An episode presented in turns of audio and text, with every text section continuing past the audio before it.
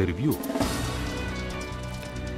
Ker smo včeraj praznovali Mednarodni dan žensk, bomo ta pomemben praznik obeležili tudi v tokratni oddaji Intervju. Naša novinarka Tita Majer je poklicala na Islandijo, ki velja za najbolj enakopravno državo na svetu, in posnela intervju z izvršno direktorico Islandskega združenja za pravice žensk Brynhildur Heidar Ok Omarsdotir. Oddaji boste lahko slišali o tem, kako je živeti na Islandiji, kjer je stopna enakosti spolov najvišja na svetu. V državi, ki jo že drugič zapored vodi mlada ženska in kjer vsako leto sprejmajo vrsto zakonov z področja enakosti spolov. Med drugim so kot prvi na svetu prepovedali plačno diskriminacijo. Izvedeli boste, kako je živeti v državi, kjer se otroci v osnovnih šolah učijo o feminizmu in enakosti in kjer se tudi zaradi tega družba iz leta v leto spreminja na bolje.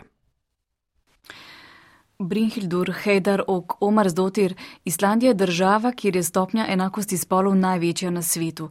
Nam lahko za začetek poveste, kako je živeti v takšni državi? Um, it is, uh, it is fairly obvious, uh, fairly fabulous, I have to say.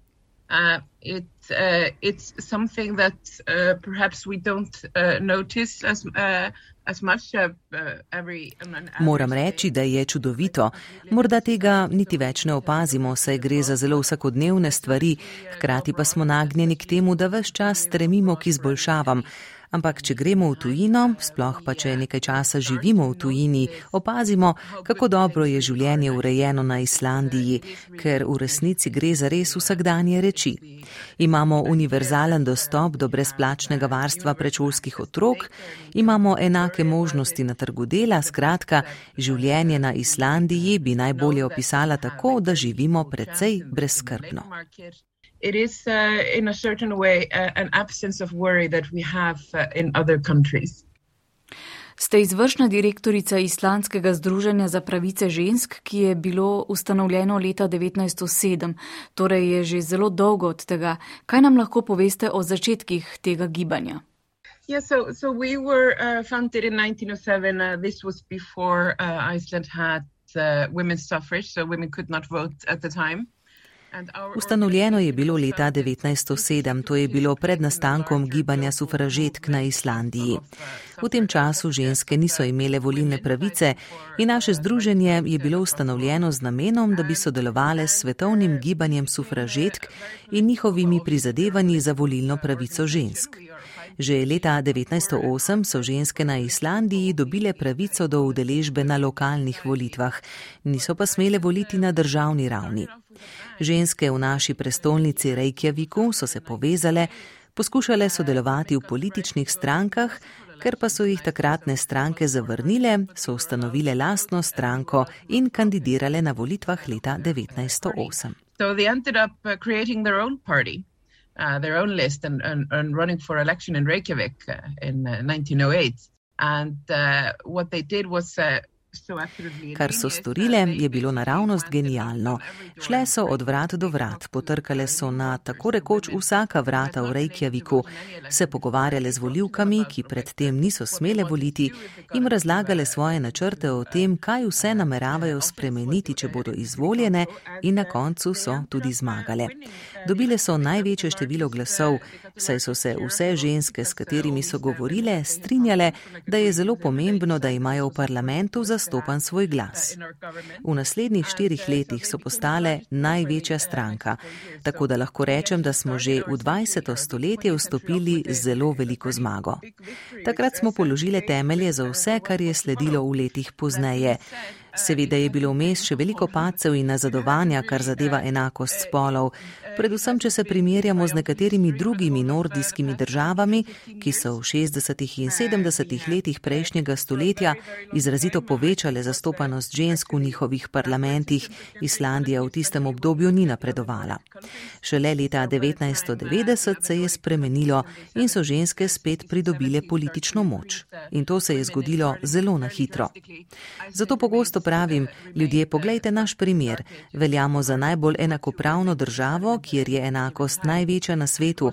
Premagali smo številne ovire in izzive, ki jih druge države še niso, ampak naj tudi poudarim, da se je to na Islandiji zgodilo zelo, zelo hitro.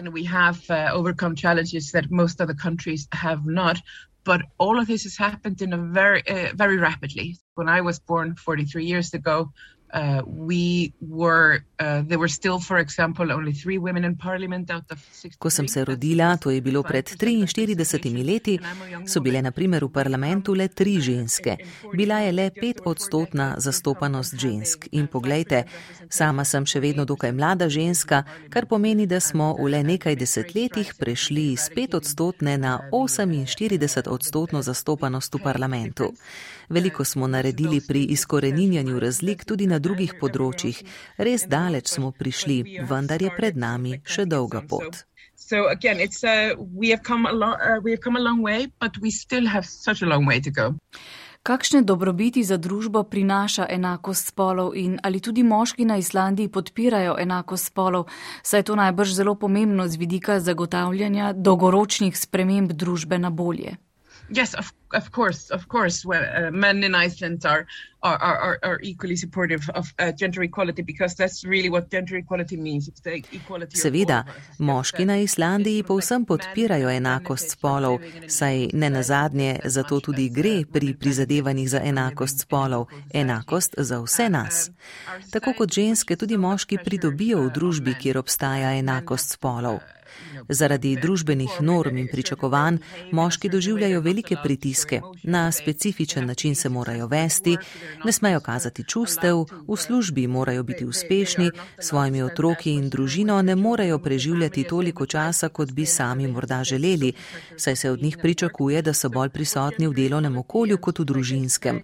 Zato jim enakost spolov prinaša svobodo, da so lahko takšni, kakršni sami želijo biti, da lahko več časa preživljajo s svojimi otroki, da lahko vzamajo starševski dopust, da lahko vzamajo dopust ob rojstvu otrok, ki jim omogoča, da navežejo stik s svojim otrokom.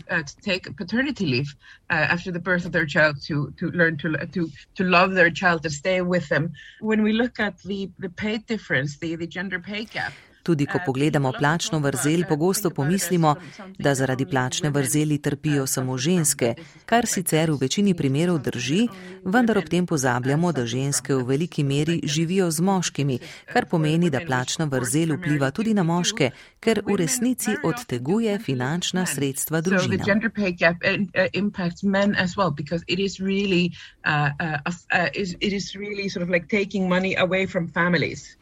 Brinhildur Heidarok, Omar Zdotir, o plačni vrzeli bova še govorili v nadaljevanju odaje. Omenili ste plačan starševski dopust ob rojstvu otroka, ki je na Islandiji namenjen moškim. E, no, tudi v Sloveniji imajo očetja na voljo dopust ob rojstvu otroka in pozneje tudi starševski dopust, vendar ga po zadnjih raziskavah izkoristijo v zelo majhnem deležu. Nekje sem prebrala, da na Islandiji očetovski dopust izkoristi skoraj 90 odstotkov očetov. Ali lahko pojasnite, kje se skrivajo razlogi za tako visoko udeležbo islandskih očetov pri skrbi za otroke? Uh, sort of like, uh, it it been, uh, I really don't have an explanation for that, but we've seen that it was like that from the very beginning. V resnici nimam razlage za to. Res pa je, da je bilo tako že od vsega začetka, ko je bil zakon sprejet. Moški so to možnost sprejeli odprtih rok. Mislim, da je odgovor na vprašanje o tem, zakaj moški v tako visokem deležu izkoristijo očetovski dopust, v tem, da ni prenosljiv na ženske. Torej, če se moški odloči, da se bo, namesto da bi izkoristil očetovski dopust, vrnil v službo, morajo starši otroka predčasno dati v vrtec. Raziskave, ki so jih delali na norveškem, kjer so sprejeli odločitev, da starševski dopust postane prenosljiv, so pokazale, da se je delež moških, ki so izkoristili očetovski dopust, zmanjšal. Moški namreč še vedno čutijo pritisk, da bi morali ta dopust prepustiti ženskam. Na Islandiji tega pritiska na očete, da bi morali očetovski dopust prepustiti materam, ni.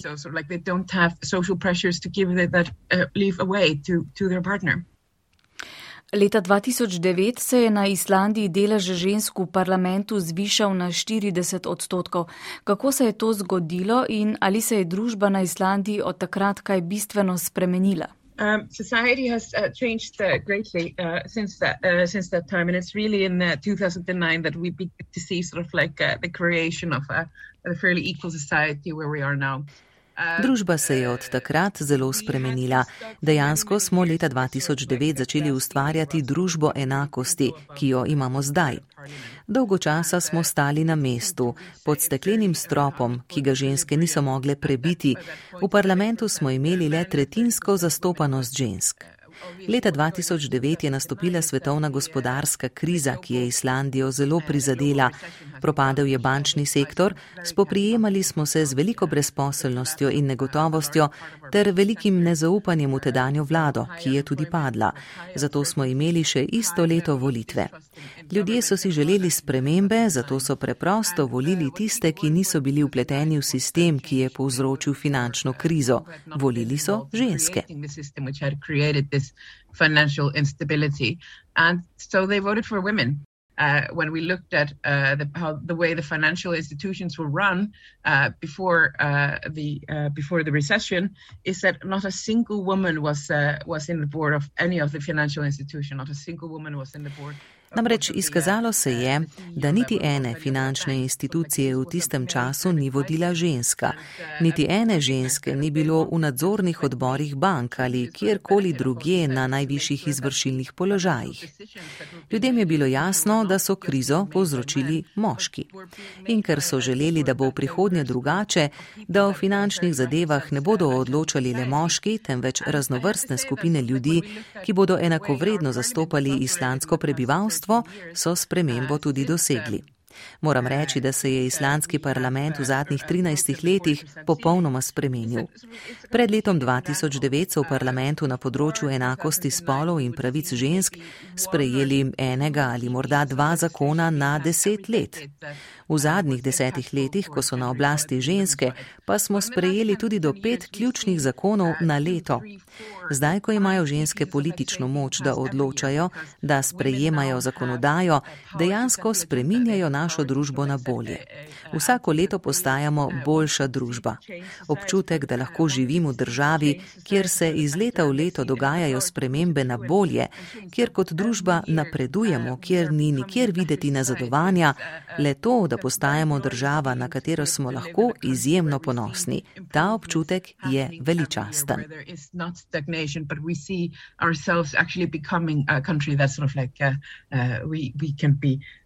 We can be proud of living in. Ženske na Islandiji so v prizadevanjih za enakost spolov v preteklosti organizirale kar nekaj protestov. Spominjam se, da so mediji leta 2018 poročali o stavki žensk, ki je ženske spodbudila, da svoje delovno mesto zapustijo na tanko ob 14. uri in 55 minut. Izbran čas je bil seveda posebnega pomena. Zakaj? Uh, Prva ženska stavka je bila leta 1975 in od takrat smo stavkale še petkrat. Naj ob tem povem, da na Islandiji pravzaprav ne uporabljamo izraza ženska stavka, temveč to poimenujemo kot prost dan žensk.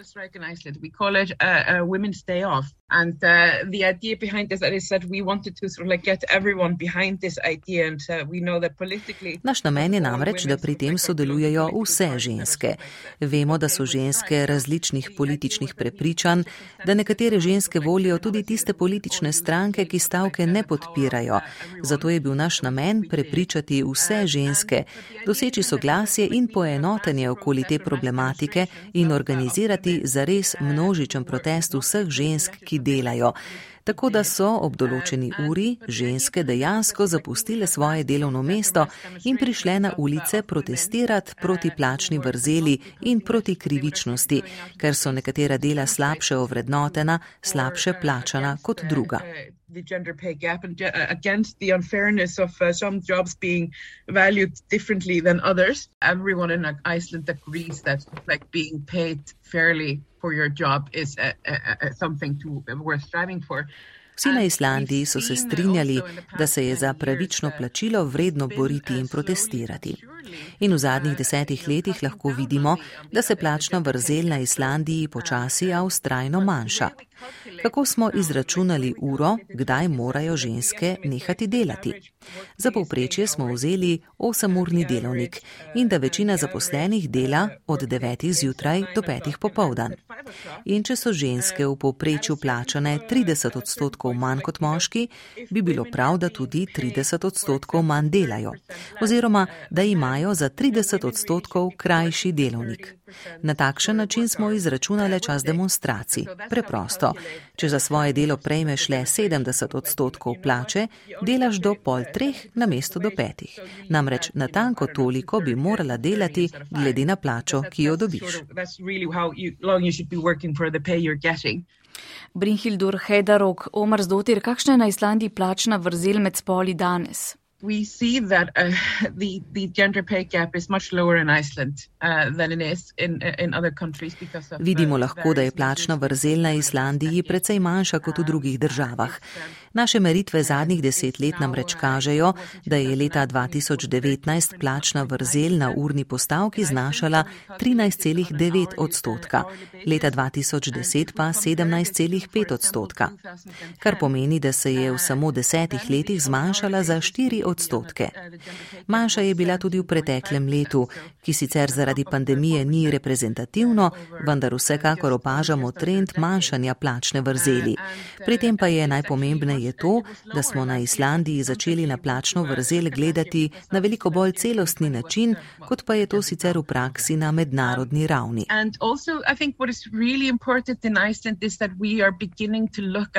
Uh, the gender pay gap in a more holistic manner than it is done on an international level. Kaj točno imate v mislih, ko govorite o celostnem načinu obravnavanja plačne neenakosti med spoli?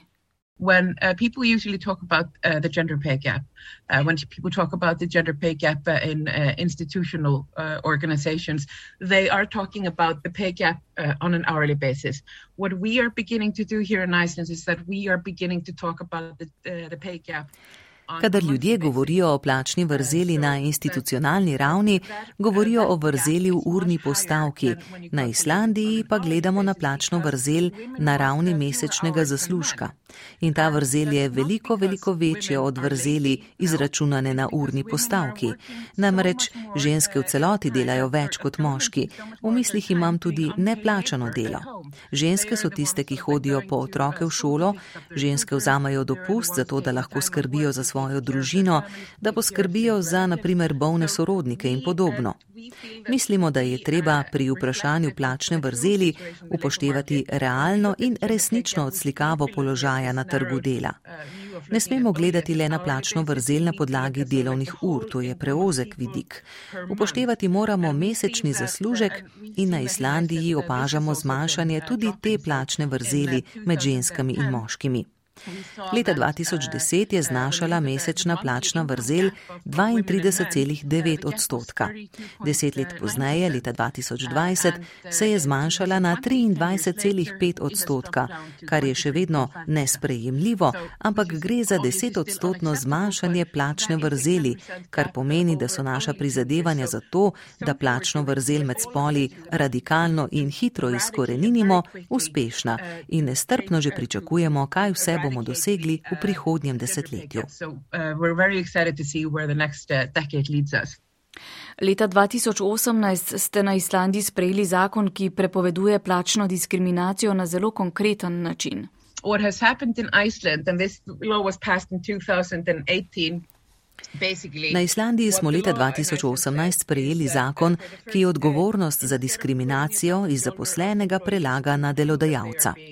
Posod drugot po svetu lahko vidimo, da mora v primeru plačne diskriminacije žrtev sama najprej sploh ugotoviti, da je plačana manj kot njen sodelavec, ki opravlja enako delo in je ponavadi moški, oziroma ugotoviti mora, ali je plačana manj kot drugi sodelavci.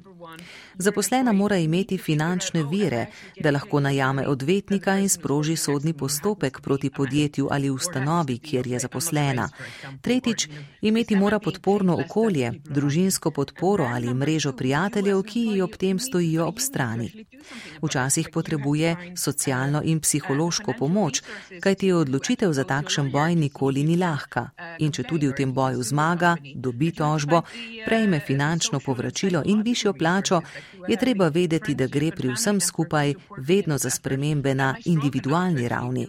Kaj hočem reči, takšen sistem v ničemer ne pomaga ženskam, ki so ujete v začarani krok in recimo leta in leta čezmerno delajo v enem in istem podjetju.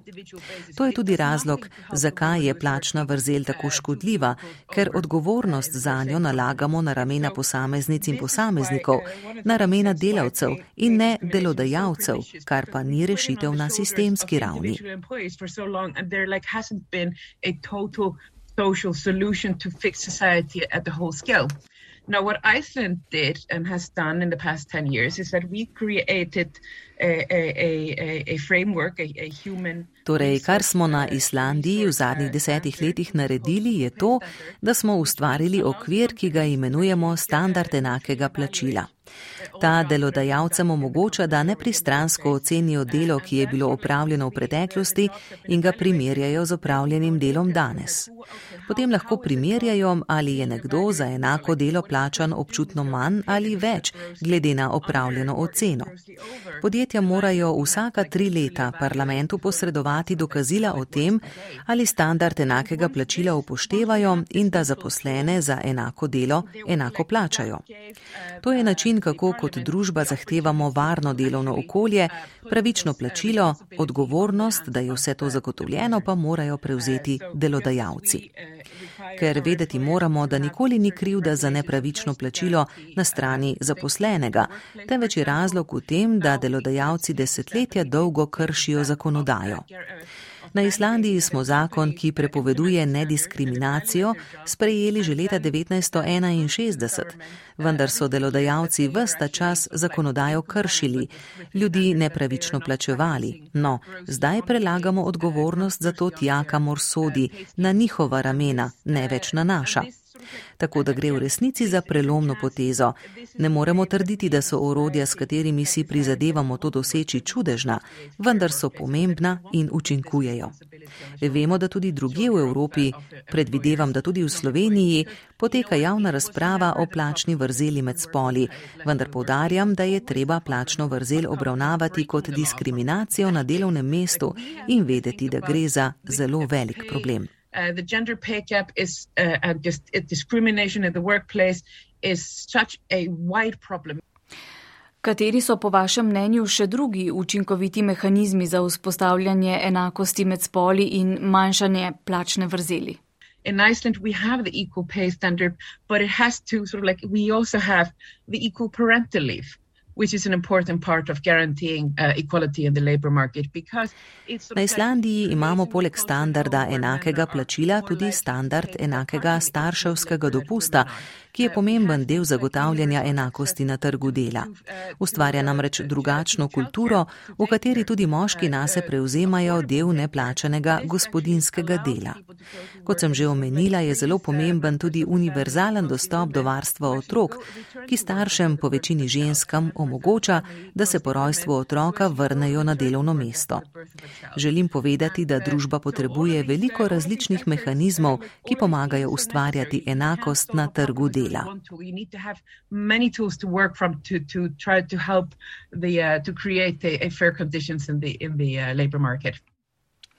Brinhildur Hejdar ok Omarsdotir, ali lahko spregovoriva še o politiki? Leta 1980 je Islandija za predsednico države izvolila žensko. Tudi aktualno islandsko vlado vodi ženska Katrin Jakobsdotir, feministka, vodja leve stranke zelenih in to že drugi mandat. Kakšen vpliv ima ta žensko vodenje države in večja enakost v političnem prostoru na islandsko družbo? It's uh, obviously impactful uh, in, in, in the fact that uh, uh, people become uh, accustomed to seeing women wielding real power. And, uh, Mislim, da je učinek zelo očiten. Ljudje so se navadili, da je na vodilnem položaju ženska.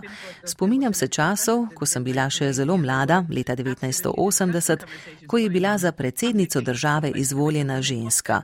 Spominjam se naravnost ogabnih javnih razprav o tem, ali lahko ženska dejansko zmaga in ali ženska res lahko zasede takšen položaj. Ljudje niso bili navajeni, da bi bile ženske na vodilnih položajih, da bi ženske predstavljale avtoriteto. To se je počasi, a brez dvoma spremenilo. Danes imajo ženske povsem enake možnosti kot moški, da so izvoljene v parlament. Ljudje vedo, pa ne le mladi, tudi starejši prebivalci in prebivalke, da so moški in ženske povsem enako dobri ali slabi pri vladanju in da je to pravzaprav zaradi enakosti spolov. Skratka, ženske so v politiki in so političarke. Pika. Uh, women, women Zakaj je enaka zastopanost spolov v politiki tako zelo pomembna? Passing, the legislation we are passing to and structural changes we're making to making uh, Zaradi stvari, ki smo jih že sprejeli, stvari, ki so v procesu sprejemanja, nove zakonodaje, ki je namenjena temu, da na Islandiji izboljša razmere za ženske in družine. To so prizadevanja in pobude žensk, naprimer univerzalen dostop do varstva otrok. To ni bilo predmet politične debate, vse dokler niso v politiko in na vodilne položaje vstopile ženske, ki so dostopno varstvo otrok spremenile v politično vprašanje in dosegle, da se je spremenilo v zakonodajno proceduro. Nasilje nad ženskami je še ena problematika, ki je na Islandiji zelo pereča, ravno tako kot posod druge po svetu. Zavedati se moramo, da dokler ne bomo izkorenili nasilja nad ženskami, nasilja zaradi spola, ne bomo dosegli enakosti.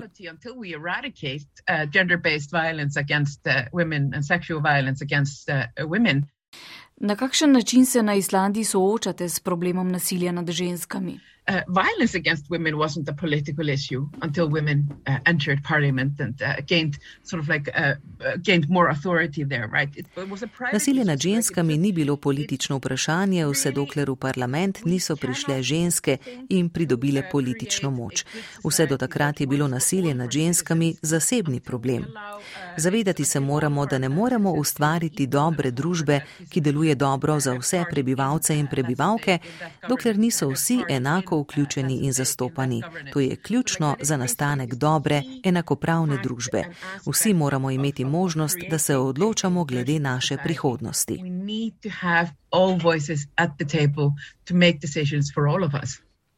Brinhildur Hejdar ok Omrzdotir, ko govoriva o nasilju nad ženskami, to je tudi v Sloveniji velik problem.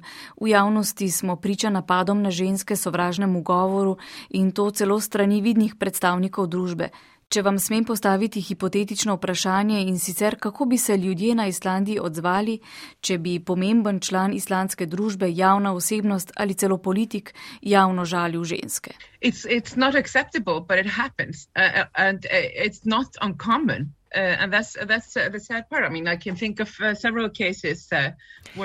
To je seveda nesprejemljivo, vendar ni neobičajno in se je zgodilo tudi pri nas. Moram pa povdariti, da je za veliko večino islandskega prebivalstva takšno vedenje absolutno nesprejemljivo. Spominjam se recimo zelo odmevnega primera, zelo žalostnega primera, ki se je zgodil pred nekaj leti.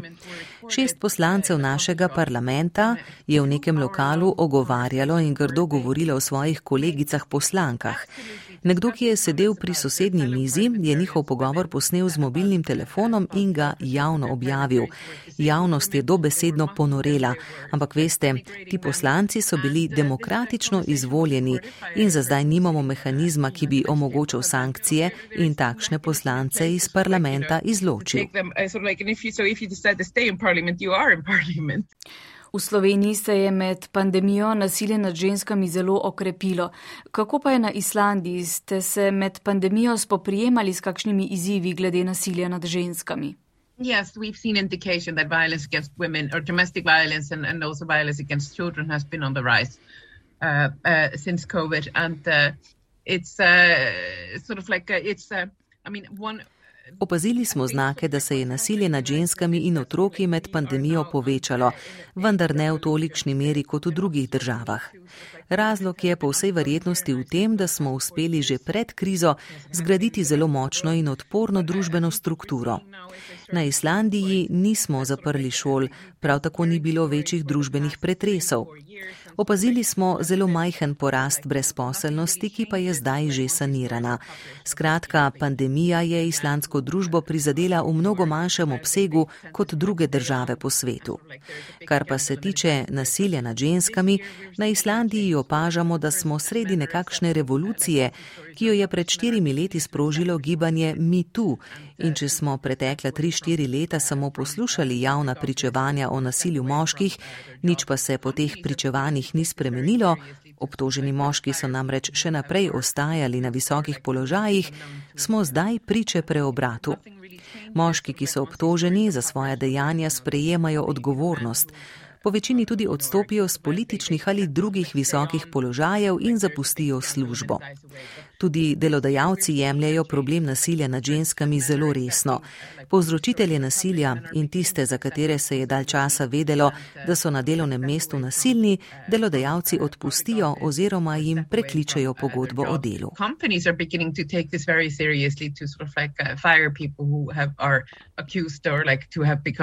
uh, to per- perpetrate violence on, on others. But so, like, we're seeing a revolution in the way that we discuss uh, uh, this topic. Uh, women are no longer afraid. Uh, they're no longer ashamed. They are now willing to talk about their experiences publicly. And so, and we are expecting Prav tako smo priče revolucionarnim spremembam glede javnega govora o nasilju. Žensk ni več strah, ni jih sram, pripravljene so javno govoriti o izkušnji nasilja.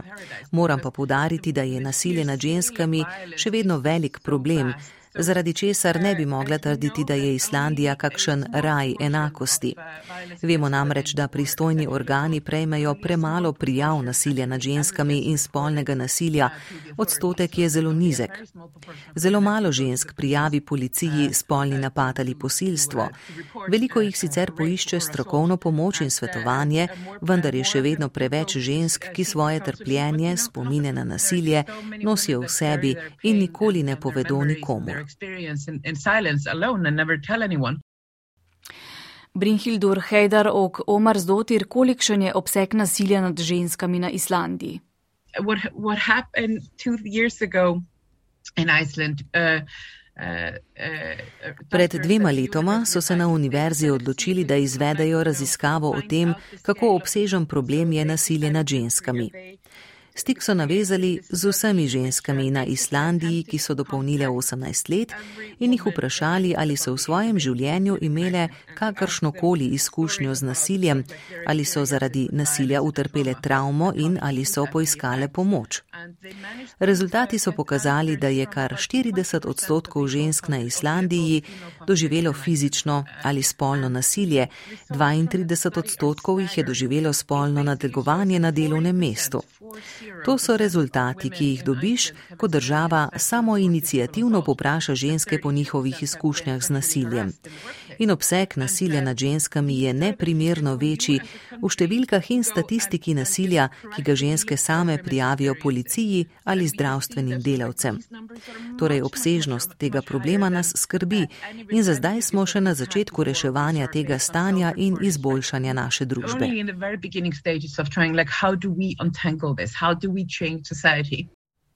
Katere izmed ukrepov za preprečevanje nasilja nad ženskami bi izpostavili? One uh, important tool, I think, for the future is that uh, we need to educate uh, our young. Uh, we need to change the culture. We live in a, a, Eden izmed pomembnih ukrepov, na katerega moramo misliti, je izobraževanje mladih. Spremeniti moramo namreč kulturna prepričanja. Še vedno živimo v družbi, v kateri je posilstvo nekaj normalnega, kjer je spolno nadlegovanje normalno, nasilje nad ženskami prav tako. Zato je pomemben del tega, kako se spoprijeti s to težavo, izobrazba, torej da izobrazimo mlade, da izobražujemo otroke. Na Islandiji smo v ta namen upeljali študije spolov in predmet enakost spolov v osnovne in srednje šole. Že več kot polovica vseh srednjih šol na Islandiji vključuje študije spolov, pri katerih se dijakinje in dijaki učijo o feminizmu, problemu nasilja, vprašanju privolitve, enakosti v politični participaciji, o rasizmu in družbenih politikah. Deset odstotkov srednjih šol ima naštete vsebine predpisane kot obvezne predmete, kar pomeni, da mora vsak dijak in dijakinja, če želi srednjo šolo končati, narediti izpite iz predmetov študije enakosti in enakosti spolov. Prizadevamo si, da bi študije spolov in enakosti postale obvezen del kurikula tudi v osnovnih šolah in vrtcih. Mislim, da se moramo z otroki zelo veliko pogovarjati o pomenu enakosti spolov in jih o tem izobraževati, saj bodo oni tisti, ki bodo lahko ustvarili novo kulturo, takšno, ki ne bo več temeljila na nasilju, temveč na enakosti in spoštovanju finish the job. They are the ones that will create a new culture which isn't based on, on violence, but is based on, on, on equality and respect. So po vašem mnenju mladi ljudje na Islandiji že danes bolj občutljivi na neenakosti v družbi in na neenakost spolov? Yes, yes, so much. Yes, absolutely yes. It's an, and uh, they are, are so much more, uh, they are uh. Ja, absolutno. Veliko bolj so politično ozaveščeni, veliko bolj so občutljivi glede vprašanj neenakosti in krivic v družbi. Hkrati so veliko bolj pripravljeni stopiti na ulice in protestirati. Veliko bolj so aktivirani in pripravljeni samo inicijativno delati. Niso le pasivni opazovalci dogajanja, so zelo dejavni. Da ne omenjam svetovne podnebne krize, katastrofo, ki nas čaka v prihodnosti in moram reči, da so mladi ljudje, mladostniki in otroci na Islandiji zelo, zelo osveščeni glede podnebnih sprememb ter neenakosti in nepravičnosti v družbi in so zelo zauzeti, da spremenijo ta svet. Mi odrasli pa smo dolžni, da jim pri tem pomagamo.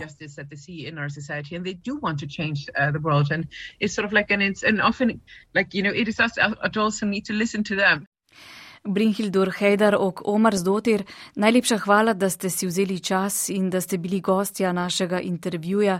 Vse dobro vam želim in lep pozdrav na Islandijo.